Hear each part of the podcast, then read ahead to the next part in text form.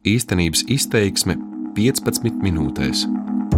Esejas par valstiskuma vēsturi Latvijā. Esmu Andris Šnē, Latvijas Universitātes Vēstures un filozofijas fakultātes asociētais profesors. Un man interesu lokā ir Latvijas aizvēstures un krustakaru laikmeti.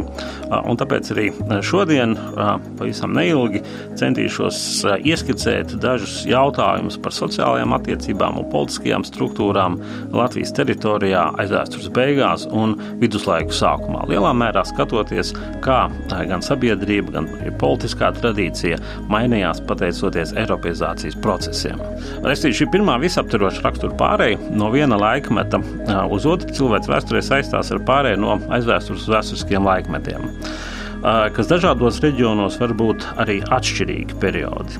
Ar terminu aizvēsturi tiek saistīts senākais cilvēks vēstures laika posms, kas noslēdzas ar rakstības izveidošanos, rakstītās kultūras nostiprināšanos, kā arī pārmaiņām un jaunu raksturelementu ienākšanu cilvēku sociālajās attiecībās, politiskajā organizācijā un kultūras dzīvē. Pārējai no aizvēstures uz vēsturiskiem laikiem Latvijas teritorijā, līdzīgi tāpat kā Austrumbaltijas reģionā kopumā, iezīmējās ar krustakaru laikmetu, kas, lietojot aptuvenas nopaļotas chronoloģiskās robežas, ir attiecināms uz 13. gadsimtu. Šāda pārēja ir ilgāka laika process, un tā, protams, nenotiek vienā gadā. Lai gan dažādās jomās jauni raksturelementi pakāpeniski iezīmēs jaunu vēsturiskā laikmeta sākumu, piemēram, politikā, pārvaldē, sociālajās attiecībās un tam līdzīgi. 13. gadsimta laikā tikai daži notikumi iegūs reģionālu nozīmi, pārsvarā tiem paliekot par lokāla rakstura situācijām. Viduslaika iezīmes, it īpaši sākuma posmā, skāra nelielu daļu Latvijas zemju iedzīvotāju, un bija jāpiet vairākiem gadsimtiem, līdz tās vismaz daļēji tika iekļauts viduslaiku sabiedrības un kultūras struktūrās. Tādējādi, kaut sākotnēji izteikti lokāla rakstura, tomēr vēsturiskā perspektīvā par robežzīmi kļūst 1184. gada pirmās kristīgās, turklāt mūra būvis baznīcas celtniecība Ikšķilē, Daugavas Lētecē. Tādējādi Baltijā parādījās pirmā kristīgās baznīcas un kristietības reliģiskā struktūra un jauns arhitektūras veids, iesākot pārmaiņas gan telpiskajā ainavā, gan sociālajās un pārvaldes attiecībās. Tāpat ar 13. gadsimta sākumu mainīsies arī Austrumbaltijas vēstures stāstījuma raksturs. Par vēsturiskajām norisēm turpmāk informāciju sniegs arī pirmie Baltijas jūras austrumu piekrastē tapušie rakstītie vēstures avoti, starp kuriem īpaši atzīmējam tā saucamā Indriča kronika, kas tapusi ir 1220. gadu nogalē. Šīs ziņas gan ir fragmentāras, tās ir daļējas, tās ir ļoti ideoloģizētas, un tomēr līdz ar pirmiem dokumentiem un šo Indriča kroniku Latvijas un arī Igaunijas vēsturē parādās pirmie indivīdi ar konkrētiem vārdiem, konkrētiem darbiem un konkrētiem sasniegumiem. Anonīmu arheoloģisko materiālu, kas arī krusta laikmetā ir nozīmīgākais informācijas avots par vairākām cilvēku darbības jomām, tagad papildina jau konkrētas detaļas, ļaujot stāstīt vēsturi par notikumiem un individiem, nevis tikai, piemēram, sociālajām grupām, dzīvesvietām vai etnokulturālajām eh, grupām. Aizvēstures periodu Austrumbaltijas reģionā noslēdz dzelzs laikmets, kas bija sācies jau pirmā gada tūkstošu vidū, pirms mūsu ēras. Vairākas atsevišķas Latvijas teritorijā dzīvojošās etnokulturālās grupas, jeb sentautas, spriežot pēc arheoloģiskajām liecībām, nodalās sākot jau ar romiešu dzelzs laikmetu, jeb agro dzelzs laikmetu, pirmā gada tūkstošu sākumā. Tām veidojas atšķirīgas apbedīšanas tradīcijas un senlietu grupas, un līdz pat aizvēstures beigām būs izdalāmas noteikti materiālās kultūras kompleksu robežas, kas gan dažādos dzelzs laikmetu periodos būs arī mainīgas. Šo teritoriju iedzīvotājus un to kultūras retrospektīvi iespējams saistīt ar vēlāk jau viduslaiku rakstītajos vēstures avotos nosauktajām etnokulturālajām grupām, kuršiem, zemgaļiem, latgaļiem un lībiešiem. Tomēr etniskuma nozīmi aizvēstures sabiedrībās nevajadzētu pārvērtēt, jo diez vai etniskais faktors bija nozīmīgs vai pat izšķirošs individuālās vai kolektīvās identitātes veidošanā. Vikingu laikmetā Baltijas jūra kļuva par vienojošu elementu tās krastos mītošajām daudzveidīgajām sabiedrībām un kultūrām. Un 11. gadsimta vidū vācu kronists Brēmens Ādams savā nozīmīgākajā darbā Hamburgas baznīcas biskupa vēsture pirmoreiz pieminējis tās nosaukumu Baltijas jūra. Vikingu laikmetā skandināvu kultūra nebija literāra kultūra, un tā nav atstājusi daudzskaitlīgus rakstu pieminekļus. Tomēr daži vikingu laikmeta runakmeņu uzraksti, kas tapuši 11. gadsimtā Gotlandē un centrālajā Zviedrijas daļā, ir minējuši Austrumbaltijas reģionu un tā iedzīvotājus. Tādējādi tieši tirdzniecisko un arī militāro aktivitāšu intensificēšanās Baltijas jūras telpā Vikingu laikmetā, 1. un 2. gadsimta mijām, sekmēja par Austrumu Baltiju vēstošo arī rakstīto avotu skaita pieaugumu vēl pirms Ziemeļu krusta kariem. Protams, ka tie ir teksti, tie ir rakstītie darbi, kas ir tapuši ārpus Austrumu Baltijas reģiona, un līdz ar to tajos ir ļoti neprecīza arī fragmentāra informācija. Tomēr tās sniedz liecības par Austrumu Austrumbaltijas reģionu iekļaušanos jau Eiropas vēsturiskajos procesos, sagatavojot augsni jau tiešai Eiropizācijas norisei krustakaru laikmetā. Tirzniecīskajos sakaros neapšaubām nozīmīgāko vietu ieņēma Daugaus basēns, un šajā reģionā arī vērojama dinamiskāka sabiedrību attīstība. Kaut arī tirgotāju skaits diez vai bija liels, apmaiņas procesos un infrastruktūrā bija iesaistīti plaši sabiedrības slāņi, ko apliecina arī importēto priekšmetu plašais uh, skaits, ko mēs redzam daudzos apgadījumos. Uh, Saimnieciski specializējoties un akcentējot neagrāras saimniecības nozares, atsevišķas vietas aizvēstures pēdējos gadsimtos jau veidojās par agrējām pilsētām. Šis agrās urbanizācijas process, process bija ļoti līdzīgs norisēm Skandināvijā pāris gadsimtus iepriekš, kur arī agrās pilsētas sākotnēji veidojās bez politiskās varas līdzdalības. Līdz ar krustkariem un viduslaikiem pilsētu veidošanās un to raksturs pieņēma citas formas. Šajā laikā tās vairāk saistītas ar tiesisku juridisko aspektu un politiskiem notikumiem, atsevišķām vietām iegūstot pilsētu tiesības. Lai gan vecajos ekonomiskajos centros, agrējās pilsētās dzīve turpinājās arī pēc krustkariem, savu lomu un nozīmi šīs vietas viduslaikos zaudēja. Savukārt vietas, kas agrāk bija izteikti perifēras, piemēram, Rīga, kļuva par nozīmīgākajām pilsētām viduslaiku Livonijā. Viens no Latvijas aizvēstures un viduslaika sākuma posma diskutabliem jautājumiem ir par kārtu sabiedrības un valstu pastāvēšanu Latvijas teritorijā 12. un 13. gadsimtā. Ja laikmetā, ko nerad populāri, bet nekorekti un neprecīzi mēs dēvējam arī par Senlatviju. Būtībā valstu, jeb kā tā tika, dēvēts padomju historiografijā, balstisko veidojumu pastāvēšana Latvijas teritorijas sabiedrībās tika pārņemta no starpkara perioda arheoloģiskās pētnieciskās tradīcijas. Tikai šoreiz valsts bija nepieciešams nevis lai apliecinātu nacionālo pašlepnumu, bet lai pierādītu šķiru sabiedrības un feudālo attiecību noformēšanos. Arī mūsdienu vēsturnieku vidū nereti ir sastopams viedoklis, ka, piemēram, Jersika un Koknese ir vietējo latgaļu iedzīvotāju valsts ar vietējas izcelsmes valdniekiem, kas gan ir atradušies vasaļatkarībā no kaimiņu teritorijas Polackas. Var redzēt, ka pat atšķirīgi politisku uzskatu pārstāvji ir pauduši kopumā līdzīgas viedokļus par, piemēram, Latvijas sociālo politisko organizāciju aizvēstures beigās, pieņemot valsts sabiedrības veidošanos Latvijas apdzīvotajā teritorijā. Šis viedoklis gan ir pārsvarā balstīts tieši uz viduslaiku rakstītajiem vēstures avotiem un it īpaši uz Indriča kronikas minēto informāciju, kur uh, parādās arī, ja, piemēram, Jersīgas Latvijas vadonas visvaldes. Tomēr kritiski izvērtējot arheoloģisko materiālu un arī pielietojot mūsdienu teorētiskās nostādnes, var veidot arī atšķirīgu sociālpolitiskās attīstības ainu. Valsts sabiedrības izveidošanās nebūtu nav ik viens sabiedrības attīstības mērķis vai vēlamais rezultāts, lai gan tā ir visnozīmīgākā pārēja uz institucionalizētu pārvaldi no sabiedrības, kas ir balstījusies uz radniecību. Un šī pārēja var nebūt arī ilglaicīgs process, kaut gan dažādi priekšnoteikumi var sagatavot valsts sabiedrības izveidošanos pat daudzu gadsimtu garumā. Uh, un tāpēc arī skatoties uz Latvijas teritorijas sabiedrībām aizvēstures beigu posmā, mēs varam attiecināt uz tām apzīmēm vadonības sabiedrība, uh, kas ir pēdējās desmitgadēs ļoti populārs uh, jēdziens tieši rietumu arheologu un kultūra antropologu pētījumos. Lai gaitā izpratne par vadonības sabiedrībām ir ievērojami mainījusies, tomēr parasti šāda veida sabiedrības tiek saistīts ar reģionālām, dažu tūkstošu cilvēku kopumu dzīvi organizējošām polītijām, kurās veidojas institucionalizēta pārvalde un kurā pastāv uz pārbaudas principiem eh, kurās pastāv uz pārdales principiem balstīta saimniecība un noteikti sociālā nevienlīdzība.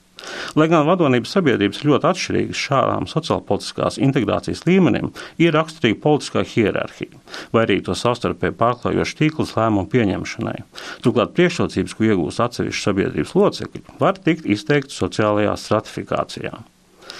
Aizvēstures beigas sabiedrības Latvijas teritorijā, spriežot gan pēc dzīves vietas, gan abadījuma liecībām, bija sociāli stabilas un vienlīdzīgas, jeb egalitāras. Lai gan nav tieši liecība, piemēram, par verdzības pastāvēšanu, pieļaujams, ka atsevišķās saimēs mitinājās arī karadarbībā iegūtie gūstekņi. Ikviena indivīda dzīve bija saistīta ar savu dzimtu un kopienu, ar savstarpēju atbalstu nodrošinot izdzīvošanu.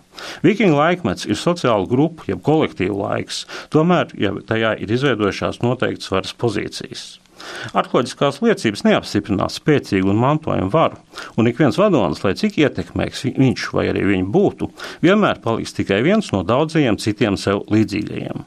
Tiesa atklāts arī jautājums par vadoņu kontrolēto teritoriju, lai gan varam pieņemt, ka vara drīzāk tik īstenot par cilvēkiem un kopienu, nevis noteiktu norobežotu zemi.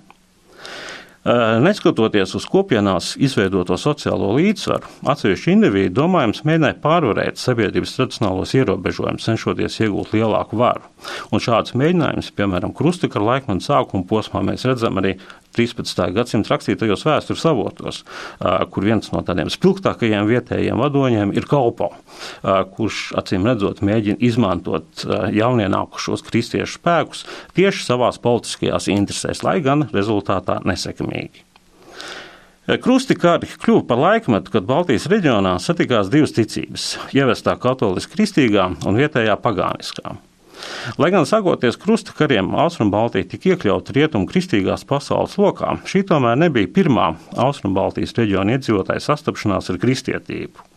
Un Latvijas historiografijā jau ilgstoši kopš 1930. gadiem tiek lietots tā saucamais trīs posmu modelis, kur ietvaros krustakari veidoja tikai pēdējo posmu pēc skandināvu un austrumslāvu aktivitātēm Baltijā.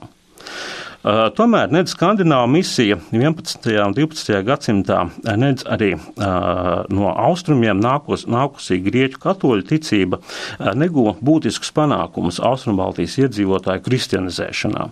Mēs varam pieņemt, ka vietējie iedzīvotāji bija pazīstami ar kristīgo ticību, ka tā nebija pilnīgi sveša. Tomēr mēs nevaram teikt, ka vietējo iedzīvotāju liela daļa bija pievērsusies kristietībai pirms 13. gadsimta.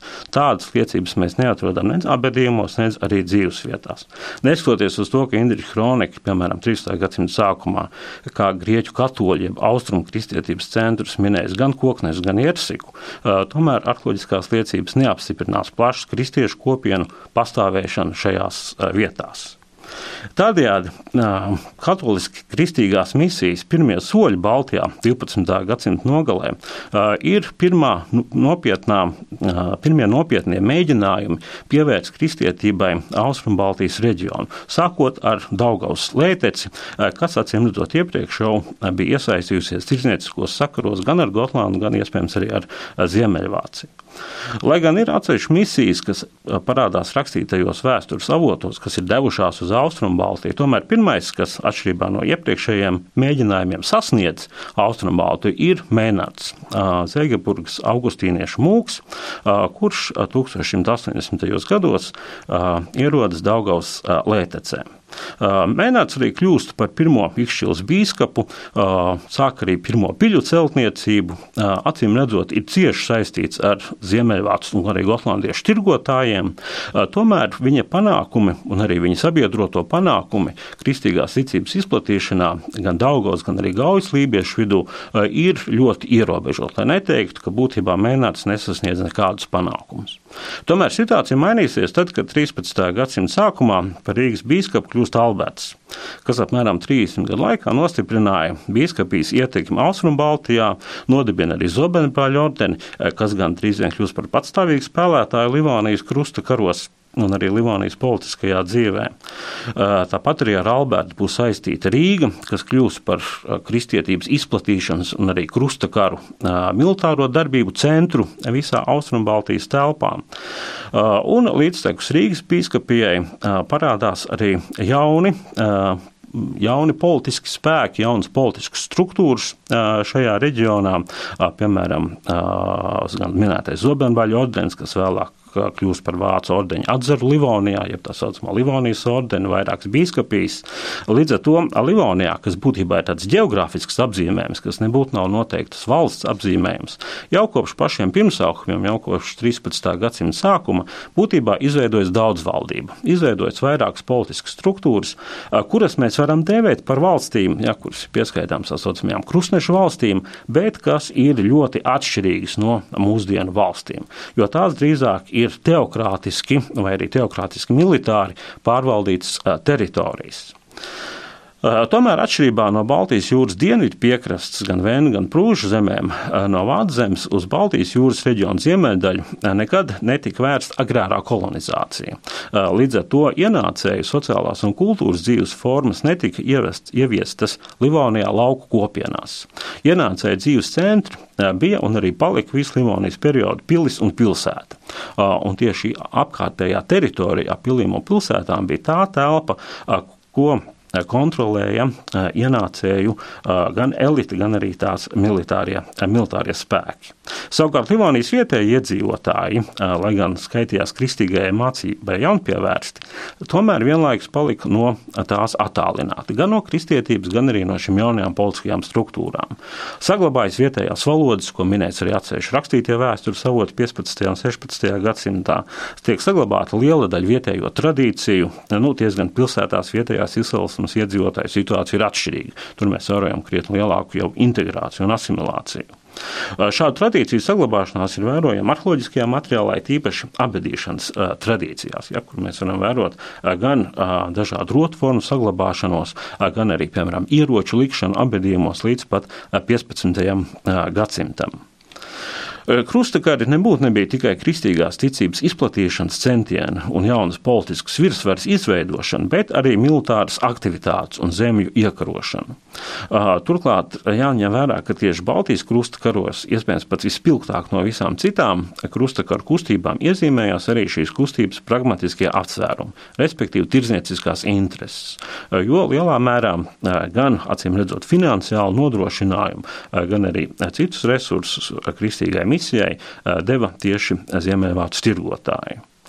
Lai gan nereti kruskara militāro kolīziju apskatos vietējās centautas, jeb etnokulturālās grupas tiek aplūkotas kopā kā vienots spēks, kas esot vērsies pret krustnešiem, būtībā katrai no šīm centautām, pa to kopienām, bija atšķirīgas intereses, un centieni veidot vienotu politiku tajā laikā nebūtu nebija vērojami.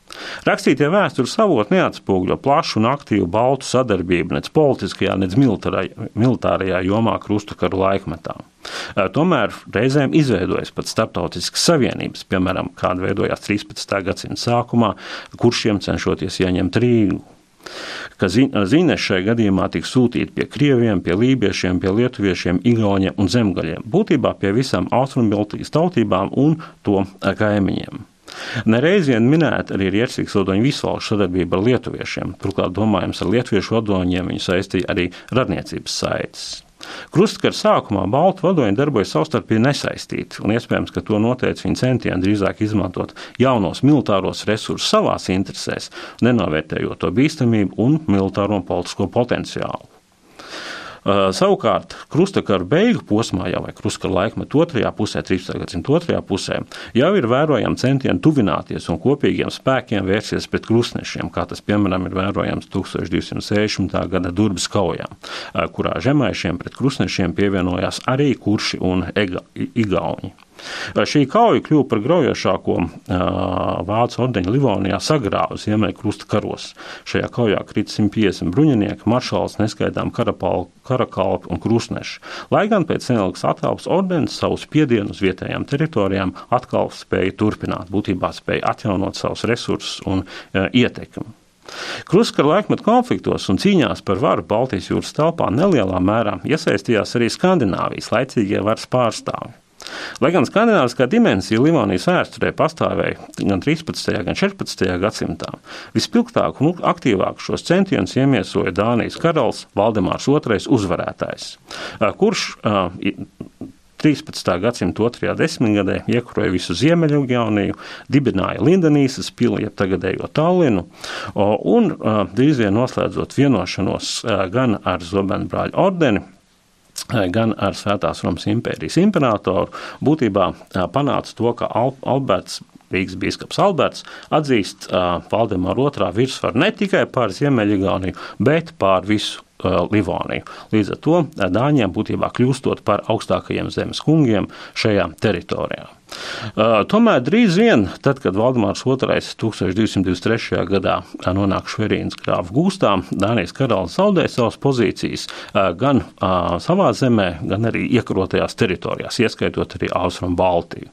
Un tāpēc pēc kara ar Sobenbaļu ordeni Dānija zaudē pat iegūtās Ziemeļgaunijas teritorijas, kuras tās tikai 1238. Gadā atgūst pēc vienošanās ar Sobenbaļu ordeņa pārstāvjiem.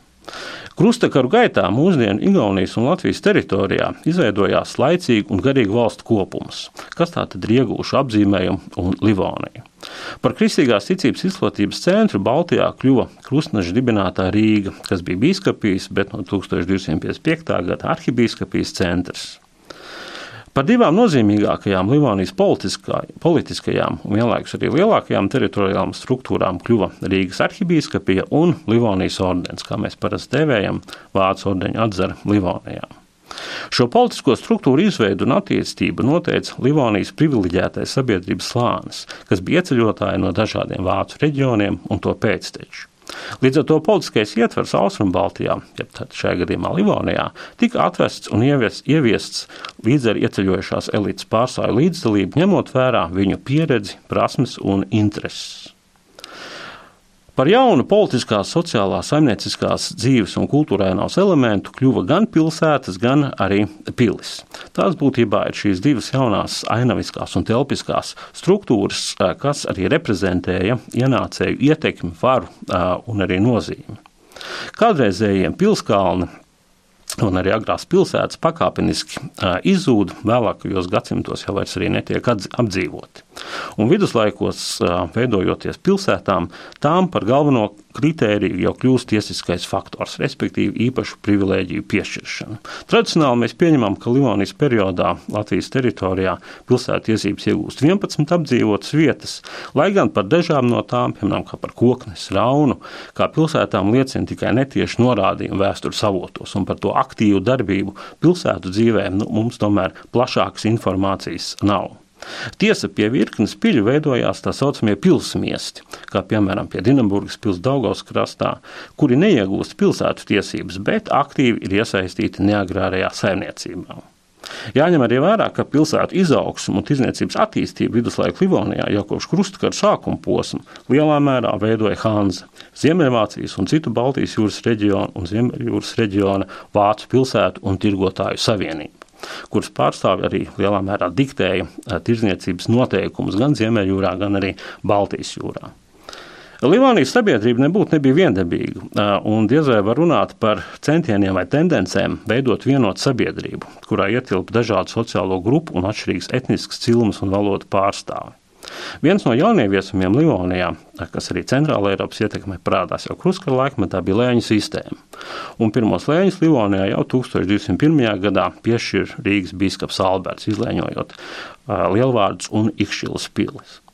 Par lēņu turētājiem kļuva arī vietējie Livonijas iedzīvotāji, to skaitā arī tā dāvētie kuršu ķoniņi vai arī salaspils tukumu ķoniņi, bet viņi nebūtu nebija vienīgie vietējo lēņu turētāji. Krietni plašāk lēņu piešķiršanas praksa Livonijā bija izplatīta tieši Rīgas arhibīskapijas zemēs, kur 14. un 15. gadsimtā nosiprinās ļoti spēcīga vasaļu kārta.